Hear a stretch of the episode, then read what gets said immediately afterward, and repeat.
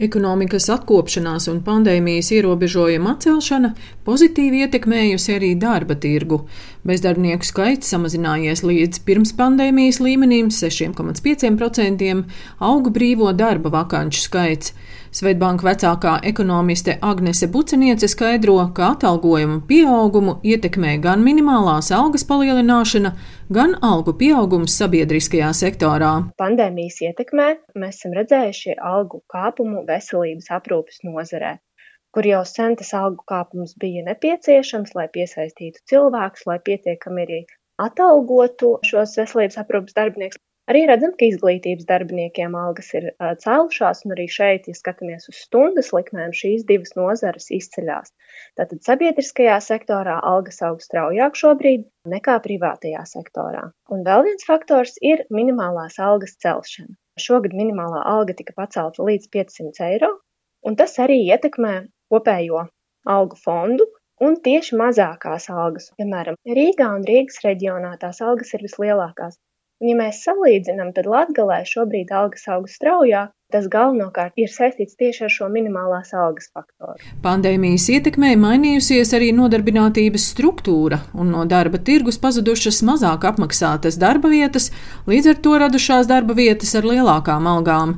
Ekonomikas ministrijas analītikas dienesta vadītājs Jānis Salmiņš vērtē, ka atalgojums arī turpmāk palielināsies visās nozarēs. Ja paskatāmies tagad tieši uz otro ceturksni, faktiski visas nozares aug. Situācija varbūt ir tāda specifiska, piemēram, aviācijas nozare, kas Covid laikā cieta faktiski vissmagāk no visām, un algu dinamika ir ar nelielu mīnus zīmi, bet joprojām saglabājās augsta, un varbūt arī nozarēs, kas ir smagāk cietušas, piemēram, izmitināšanā, radošās nozarēs, arī pārtiks rūpniecībā. Šis algu kāpums ir bijis mērenāks, bet nu pat arī šādās nozarēs algas turpina augt, un atkal, ja skatāmies uz nozarēm, tad tām, kurām ir šī konjunktūra labvēlīgāka, kā piemēram kokapstrādes nozare, arī redzam ļoti strauju algu kāpumu, veselības aprūpe, ir vērojams algu pieaugums, tā kā skatoties vidēji termiņu un pat ilgtermiņu, mēs noteikti varam sagaidīt, ka viņš arī ļoti līdzīgos tempos turpināsies arī turpmāk. Saistībā ar algu kāpumu uzņēmējs uztrauc, vai algu pieaugums ies roku rokā ar produktivitātes pieaugumu,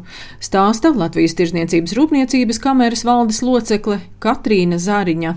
Mums no zemo tehnoloģiju ekonomikas jāpāriet uz vidēju un augsta līmeņa tehnoloģiju ekonomiku, jāiegulda arvien vairāk zinātnē, pētniecībā un inovācijās. Un tas, protams, prasa lielus resursus no Latvijas komersantiem. Viens, protams, ir, ir pašu uzņēmumu privātie uzkrājumi, Un šeit ļoti palīdzēja savulaik reforma par 0% likmi reinvestētajai peļņai. Tomēr tās naudas nav tik daudz, tāpēc, protams, lieli skatieni ir uz zināmiem publiskajiem resursiem, uz to pašu atveseļošanas un noturības mehānismu un par to, kā mūsu uzņēmumiem kļūt konkurētspējīgākiem un produktīvākiem pret Eiropas uzņēmumiem.